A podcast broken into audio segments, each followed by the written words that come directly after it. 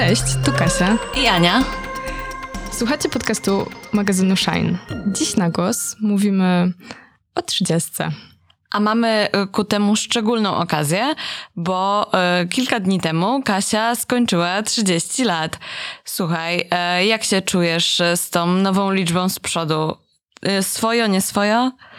Całkiem swoją, mimo że obawiałam się bardzo, mm, co się wydarzy, kiedy pojawi się ta trójka z przodu. Mam wrażenie, że to napięcie raczej y, towarzyszyło mi w wieku 2,7, 2,8, 2,9, a teraz jak już jest ta trzydziestka, to czuję się całkiem nieźle. E, wiem, o czym mówisz, bo e, teraz ja jestem przed trzydziestką, tuż przed i czuję to, czuję, że się zbliża, więc e, mam nadzieję, że faktycznie jak już przyjdzie, to, to jakoś to wszystko odpuści. Hmm. Myślę, że tak, że odpuszcza i wielu moich znajomych to potwierdza, także przygotuj się na odpuszczenie. Super.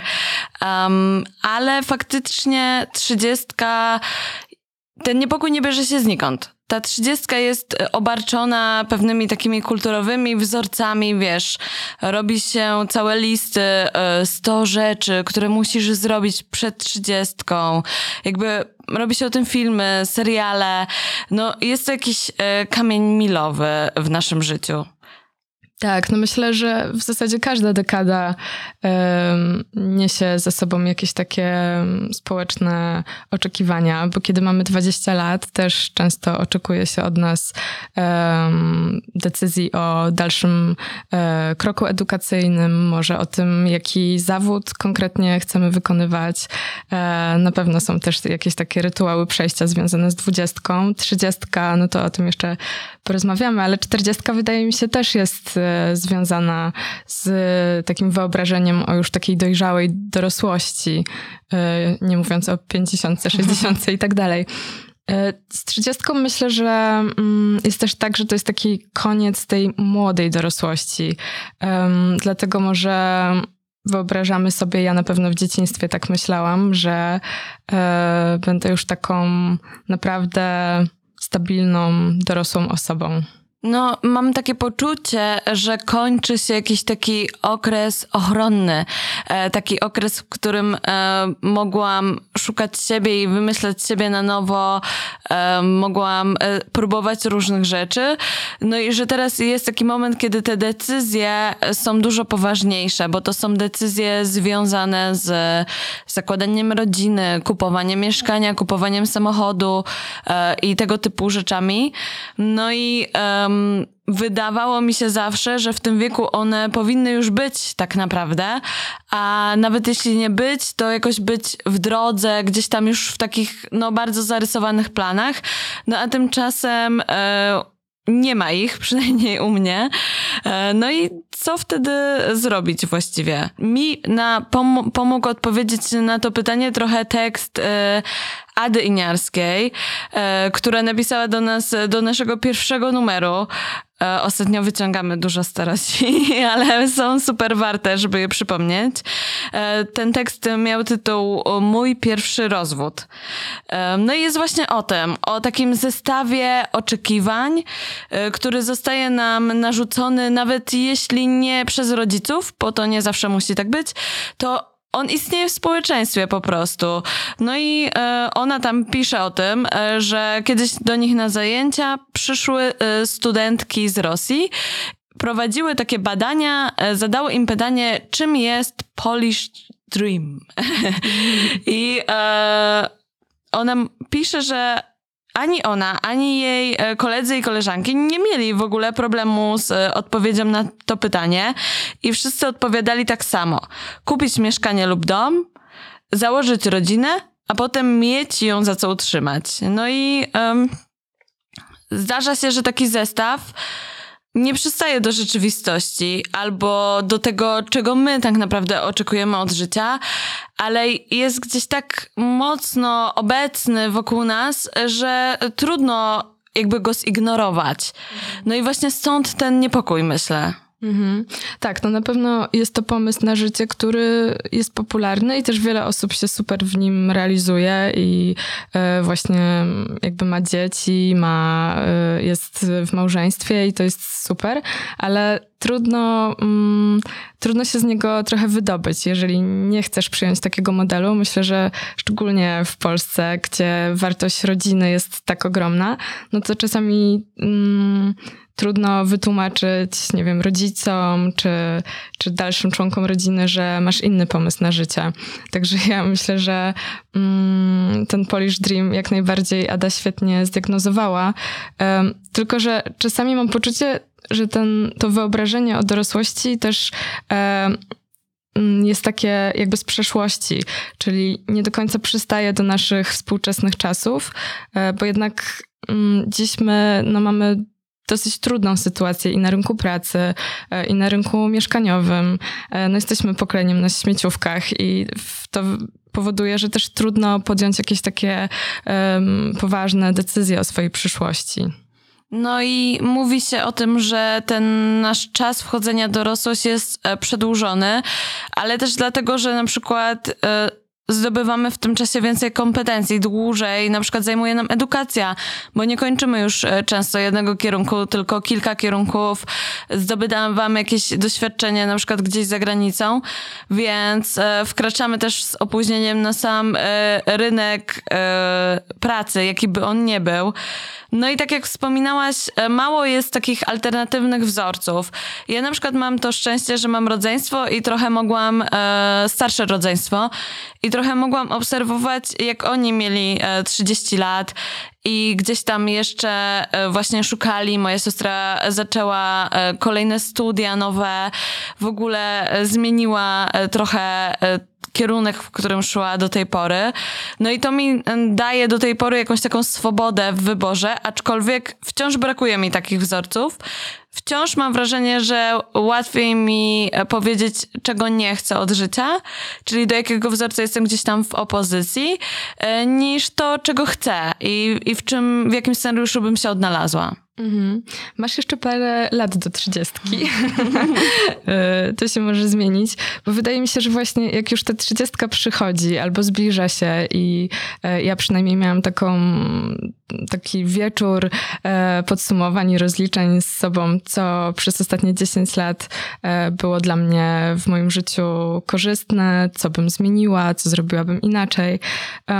Jak ona już przychodzi, to mm, no właśnie, czujemy się trochę chyba lepiej, bo e, zdam sobie sprawę z tego, że mm, jestem już coraz bardziej taka ukształtowana, że jednak wiem, czego chcę, że podejmuję pewne decyzje, które są świadome i kierują mnie w dobrym kierunku, że trochę też już wyluzowałam na punkcie jakiejś pogoni e, za idealnym życiem, że już nie muszę tak bardzo udowadniać, że jestem kompetentna, że jestem wystarczająca. E, po prostu mogę trochę wyluzować. E, to, co ja widzę e, takiego pozytywnego właśnie w wkraczaniu w tę przyszłą dekadę, e, która mnie niedługo czeka, to jest też mój stosunek do mojego ciała po prostu. Mm, widzę, jak on się zmienia i jakby mimo, że to ciało się zaczyna teraz, no już właściwie starzeć, już widzę oznaki, że nie jest takie młode, to podchodzę do niego z dużo większą akceptacją i dużo większym takim e, właśnie luzem e, niż wcześniej e, to robiłam. No i e, mam jakieś takie poczucie w sobie, że to jest naturalny proces i nie muszę z nim e, tak walczyć wolę chyba poświęcić tę energię właśnie na e, to, tą taką walkę bardziej na polu może e, związanym z jakimiś e, planami, czy pracą, czy właśnie jakimś rozwojem swoim. Tak, no ja też zaobserwowałam, że moje relacje się zmieniły w ciągu tych paru ostatnich lat. Jednak inwestuję swój czas, e, swoją energię w te, które mi bardziej służą. E, już one też nie są takie przypadkowe. Zwyczajnie wiadomo, mamy mniej czasu i nie jesteśmy w stanie poświęcić e, wszystkim tyle samo uwagi, ale też czuję, jak dużo z tych relacji czerpię dzięki temu, że wybieram je świadomie. Chociaż ja mam takie fajne poczucie, że już niedługo ten wiek, w którym zaczynamy zdawać sobie sprawę z tych wszystkich rzeczy, o których powiedziałyśmy, będzie jednak niższy, że obserwuję, obserwuję dziewczyny, które piszą do Shine, z którymi rozmawiam e, dzięki Shine, które są młodsze od nas. I one często już e, mają e, naprawdę taką świadomość e, tych procesów dużo wcześniej. To jest super, to jest naprawdę fajne. Nie powiem, że nie, zazdroszczę im, ale w takim pozytywnym sensie po prostu. Bardzo mnie to cieszy, ta, ta zmiana. Tak, ja też to obserwuję. Czasami y, zaskakuje mnie jakieś sformułowanie, nie wiem, jakaś super myśl bardzo młodej dziewczyny y, i zdaję sobie sprawę z tego, że ja na to wpadłam na przykład rok temu, tak? A ona ma 18 lat. Y, I to jest, to jest fascynujące i myślę, że to jest wspaniały proces i wszelkie girl powerowe inicjatywy bardzo temu sprzyjają. Tak, jestem też ciekawa, co to będzie w ogóle znaczyło dla społeczeństwa, kiedy te osoby wkroczą w taki wiek, e, no właśnie pracy jakiejś, e, czy, czy takiego dużego wpływu właśnie na to, jak e, kształtuje się nasze społeczeństwo, to może być naprawdę ciekawe. Um, ale właśnie to teraz sobie pomyślałam, że fajnie byłoby mieć tę wiedzę wcześniej o tym wszystkim, co teraz powiedziałyśmy. Że trochę czasem e, żałuję, że nikt mi nie powiedział e, tego wtedy. No i e, przypomniałam sobie, że miałyśmy na stronie kiedyś taki tekst Weroniki Siwiec, która w swoje 30 urodziny napisała o tym, co powiedziałaby dwudziestoletniej sobie. E, no i um, tam jest sporo naprawdę fajnych rad, właśnie czasem takich oczywistych, ale nad którymi warto się zastanowić. E, I jedna z nich e, to jest taka mocna rzecz, wydaje mi się, która właśnie może czasem nie przyjść przez całe życie nam do głowy, czyli możesz kochać i szanować swoich rodziców, ale jednocześnie mówić im nie.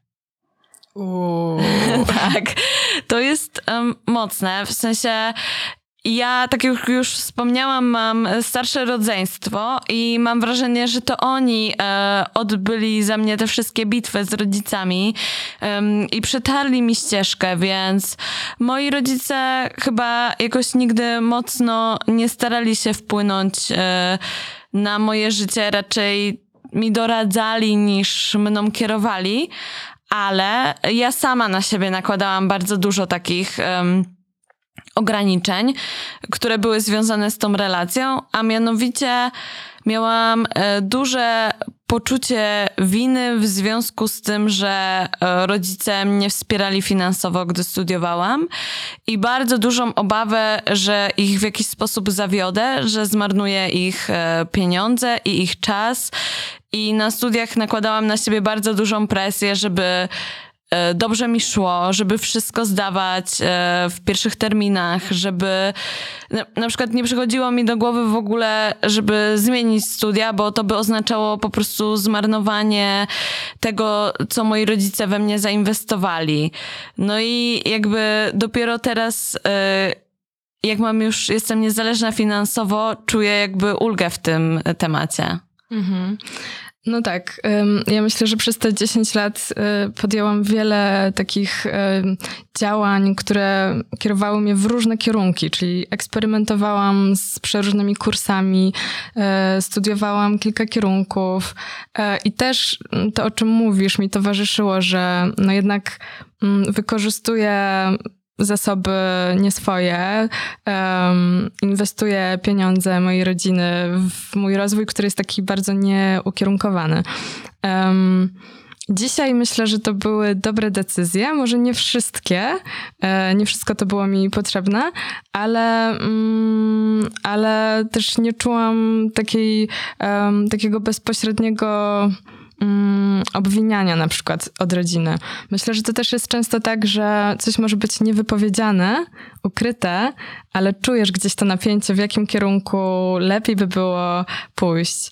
Um, więc ja się z tym pewnie ciągle jeszcze zmagam, um, ale jak najbardziej rada Weroniki no jest świetna, żeby jednak troszkę posłuchać siebie w tym wszystkim. Um, myślę, że też rozmowy z rodzicami bardzo pomagają i czasami to, co jest ukryte, mm, jak się nazwie i właśnie porozmawia się z nimi o tym, czego ty chcesz od życia, a czego oni oczekują dla ciebie, skonfrontujecie to, e, no to może się okazać, że w sumie im zależy po prostu na szczęściu swojego dziecka. Jeżeli to szczęście jest innym scenariuszem, e, to są w stanie to zaakceptować. Ja z tym się ciągle mierzę jeszcze na terapii, ale myślę, że mm, jestem na dobrej drodze. Choć nie jest to łatwe. E, tak, e, ale wydaje mi się, że znowuż e, im jesteśmy starsi, tym trochę łatwiej te rozmowy prowadzić ta różnica wieku, mimo że ciągle jest taka sama, tak naprawdę się trochę zmniejsza dzięki doświadczeniom. No i faktycznie dopiero e, niedawno znalazłam taki język, żeby rozmawiać z rodzicami bardziej partnersko e, i właśnie móc im jakoś e, opowiedzieć e, o swoich sprawach czy uczuciach. Ale tak sobie teraz przypomniałam, że jedna sprawa, w której faktycznie e, tutaj mieliśmy trochę zdania podzielone, to były studia. No i e, Werka daje kolejną radę, żeby nie studiować czegoś, e, co nas w pełni nie pochłania. No i ja tutaj muszę przyznać, że musiałam postawić na swoim. E, kiedy wybrałam studia humanistyczne, najpierw dziennikarstwo, a później e, kulturoznawstwo, które już w ogóle właśnie było dla mojej rodziny takimi studiami typu no dobrze dziecko, ale co ty będziesz po tym robić tak właściwie? No to no to była jakaś taka mała bitwa do stoczenia i też czułam właśnie, że muszę udowodnić, że potem jest e, praca, że to jest e, przydatna umiejętność. E, no i cieszę się, że się na to zdecydowałam, bo zwłaszcza na kulturoznawstwo, bo to po trzech latach e, licencjatu zmieniłam e, kierunek e, i poczułam, jak odżyłam. Poczułam po prostu, jak się tam rozwijam, jak otwiera mi się głowa, jak uczę się myślenia. No i to właśnie było to pochłonięcie czy zafascynowanie. Mimo, mimo tego, że właśnie dostawałam te wszystkie pytania o to, co niby po takim kulturoznawstwie się robi i mam tutaj jedną radę. Jeśli słyszycie takie pytania, to prawdopodobnie od osób, które pracowały, zaczynały pracować w trochę innych warunkach niż są teraz. Um, a teraz naprawdę można odpowiedzieć nie wiem i to jest szczera prawda, ponieważ e, jak ja zaczynałam studia i kończyłam studia, to w międzyczasie na rynku pracy wydarzyło się tyle. Powstały zupełnie nowe zawody, których wcześniej sobie nawet nie wyobrażałam. Nawet moja praca w instytucjach kultury tak się zmieniła, że nie wygląda już kompletnie ani trochę tak, jak ja sobie to wyobrażałam, kiedy studiowałam. Więc no, nam, nie powinniśmy się tym przejmować, bo to są rzeczy trudne, trudne do przewidzenia. Kolejną taką super radą e, od Weroniki jest to, żeby rozmawiać ze sobą. Um, Weronika pisze, że warto pisać pamiętniki, I zgadzam się z tym. E, mój pamiętnik z dzieciństwa kiedyś na wyjeździe zjadł pies. Naprawdę? tak, i strasznie żałuję. E, zachował się na szczęście inny, ale no, tamten taki najbardziej obszerny został zjedzony i strasznie mi z tego, przykro, jak, z tego powodu przykro, jak o tym myślę. W każdym razie wsłuchanie się w siebie i czasami spisanie sobie jakichś ważnych wydarzeń, ważnych przemyśleń, to jest coś, co jest oczywiste i wszędzie się o tym mówi, ale naprawdę warto to robić. Wbrew pozorom, spisanie czegoś moim zdaniem jest takim aktem performatywnym, który powoduje, że jest dużo większa szansa, że to się wydarzy. Ja od jakiegoś czasu prowadzę bullet journal. E, wcale nie zajmuje mi to mm, wielkiej przestrzeni w życiu, bo na początku myślałam, że e, kupię jakieś kolorowe mazaki, po prostu mój bullet journal będzie najpiękniejszy na świecie i będę codziennie siedzieć dwie godziny i notować i wykreślać zadania i planować przyszłość. E, tak nie jest. Dużo szybciej, ale wydarza się magia. Po prostu coś, co miałam kupić od pół roku, kupuję, jeżeli jest e, zapisane w bullet journalu. E, jestem na wakacjach i e, zastanawiam się, co w zasadzie chciałabym zrobić, żeby czuć się zadowolona z tego wyjazdu. Spisuję proste rzeczy, zobaczenie wschodu słońca na plaży, przejechanie się skuterem, cokolwiek, zjedzenie najlepszej pizzy w tej miejscowości, w której się znajduję i to się po prostu wydarza. Gdzieś zapisuje się w pamięci i świat się układa tak, że łatwiej ci wykonać te rzeczy. Także myślę, że taka rozmowa ze sobą, ale też na papierze może sprawić, że mm, każda dekada będzie trochę łatwiejsza, bo widzimy, jak się zmieniamy w czasie, możemy wrócić do tego, e, co się działo w przeszłości, jak myślałyśmy. E, ja jeszcze dodam od siebie, że nie tylko rozmawiać ze sobą, ale nie zagłuszać siebie. Ja widzę, że mam takie tendencje do tego, zwłaszcza kiedy mam jakiś trudniejszy czas w życiu, żeby e, trochę sięgać po takie rozpraszacze, żeby ten czas, e, który normalnie spędziłabym trochę na myśleniu, na takiej wewnętrznej jakiejś rozmowie introspekcji, E, po prostu zajmuję serialami, zajmuję muzyką. Wiecie, puszczam sobie seriale do zaśnięcia, żeby nie mieć nawet tych pięciu minut przed snem. Um, no i robię to tak często podświadomie, ale dlatego, że na przykład nie chcę się zastanawiać nad trudnymi rzeczami, a później, gdy ten czas mija, to widzę, o ile szybciej rozwiązałabym wiele problemów, gdybym się z nimi skonfrontowała już wtedy. Także, także nie zagłuszać siebie, e, znaleźć e, ten czas, e, czy to nie wiem, w podróży, gdzieś tam pociągiem, niekoniecznie odpalać muzykę, niekoniecznie odpalać serial, tylko trochę się ze sobą ponudzić. Ale tak jak wspomniałaś, w pamiętnikach widać, jak się zmieniamy. No i to jest super duża wartość, bo czasami nam się wydaje, że wiesz, już mamy, już wiemy, co lubimy, właśnie zwłaszcza przy tej trzydziestce, nie? To już jest taki wiek, gdzie jesteśmy ukształtowane chyba, już mamy jakieś swoje zainteresowania, swój styl. No i Werka też o tym e, wspomina. Mm, mówi o tym, żeby próbować i testować granice swojego komfortu, żeby nie, właśnie nie myśleć o tym, że już nic się nie wydarzy, już się nie zmienię, jakby nie pójdę na ten koncert, bo ja nie lubię takiej muzyki, ja już to o sobie wiem. No właśnie nie. Mhm. Tak, ona też pisze o tym, że myślała, że nie lubi kempingu, a później okazało się, że w górach po prostu w namiocie czuje się najlepiej na świecie. To prawda. Um, czasami koło trzydziestki czy na studiach wydaje nam się, że już jesteśmy takimi osobami gotowymi, zamkniętymi w pewnej formie. O tym e, też pisała e, w Shine Agata Kępińska w tekście e, Babka w gotowej formie. Agata mówi o tym, że no właśnie, czasami sama akceptacja wydaje się po prostu przyjęciem siebie w, taką, jaką się jest. E, a sama akceptacja to niekoniecznie zamknięcie się już na e, rozwój i zmianę w sobie, e, ale to też no właśnie takie otwarcie na to, czego jeszcze o sobie nie wiemy czyli też wyjście ze strefy komfortu. E, Agata pisała, że no, myślała o sobie, że nie umie gotować, że nigdy się nie nauczy prowadzić auta, e, a tak naprawdę te rzeczy gdzieś tam do niej przyszły i kiedy zdecydowała się pomyśleć, czym tak naprawdę jest dla niej praca nad sobą, to okazało się, że wcale nie jest w gotowej formie i w sumie ciągle się zmienia i jest nawet ciekawa, co się wydarzy za rok, jaka będzie i może jej cele e, czy plany będą zupełnie inne. No, taka, taka myśl jest czasem, że, że jesteśmy już jakoś ukształtowane i wiemy pewne rzeczy o sobie, że już pewnych rzeczy nie zrobimy, jest czasem taka no, bezpieczna.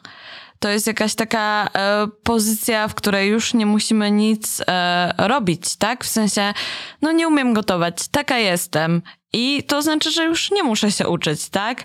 Więc e, mm, fajnie się z nią konfrontować i e, trochę sobie e, właśnie pozwalać na wychodzenie z tej strefy komfortu, próbowanie nowych rzeczy, e, wyobrażać sobie siebie w scenariuszach, których wcześniej nie mieliśmy w głowie. Tak, jak, e, kiedyś napisałam list do siebie za parę lat e, i to było w zasadzie taka mm, wizja mm, niczym sen taka scena e, z pewnego wieczoru e, i ona gdzieś tam cały czas, ta wizualizacja jest w mojej głowie. E, najpierw ją sobie wyobraziłam, później spisałam i ona jest zupełnie odjechana. Nie wiem, co z niej się sprawdzi. Miałam na niej w tej wizji włosy do pasa. Zobaczymy, czy to się sprawdzi. Kasia zapuszcza teraz włosy, więc... Wszystko jest na dobrej drodze. Więc myślę sobie, że no tak, myślenie o swojej przyszłości nawet w szalony sposób jest bardzo otwierające na to, że ciągle się zmieniamy. Nie da się tego uniknąć. No tak, pokazałaś mi niedawno um, TED Talka. To mhm. był TED Talk, prawda? Tak. Um, i e, w tym TED Talku prowadzący um, mówił właśnie o tym, że wydaje nam się, że się nie zmieniamy, E, wydaje nam się, że e, ciągle e, jakby będziemy w przyszłości, nie wiem, słuchali tej samej muzyki i robili te same rzeczy, lubili tę samą pracę i tak dalej. a dopiero kiedy spojrzymy na siebie z przeszłości i zobaczymy, w jakim tempie się zmienialiśmy kiedyś, zrozumiemy, że no tak nie jest. To znaczy, musimy zaakceptować tę zmianę yy, i musimy gdzieś tam pozwolić się jej nieść. Tak, bo też okres zmian y, kojarzy się raczej z takim nastoletnim czasem, gdzie eksperymentujesz, raz y, słuchasz muzyki rockowej, za chwilę y, hip-hopu, później interesuje cię elektronika, zmieniasz ciuchy co chwilę, fryzury, ale to nie jest tak, że tylko w tym czasie nastoletnim czy wczesno dwudziestoletnim możesz eksperymentować. I Dan Gilbert, właśnie ten psycholog z Harvardu, z tego TEDa, mówi o tym, że naprawdę zmieniamy się diametralnie diametralnie co 10 lat. Zmieniają się nasze e, czasami nawet wartości, potrzeby, to, że wyglądamy inaczej, mamy e, inny styl życia, inny sposób spędzania wolnego czasu, czy nawet po prostu nasze przyjaźnie się zmieniają.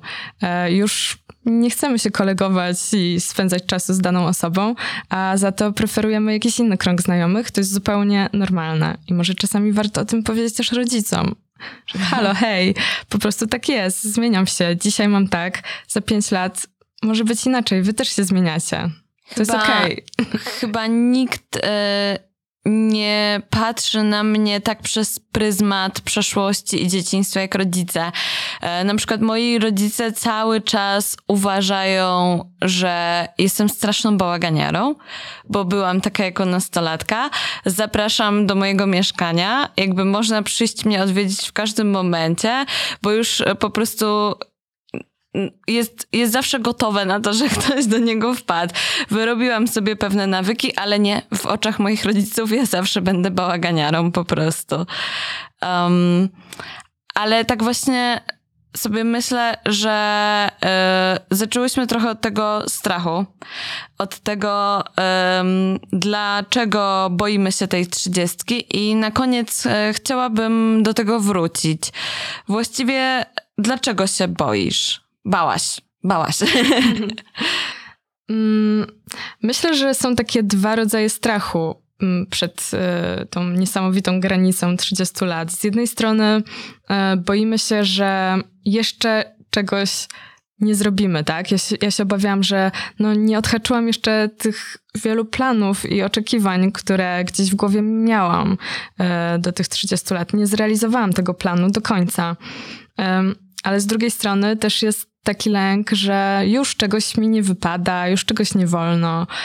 I mam wrażenie, że te dwa strachy są takie główne w tej granicy, czyli że już czegoś nie można, a z drugiej strony jeszcze czegoś nie zrobiłam.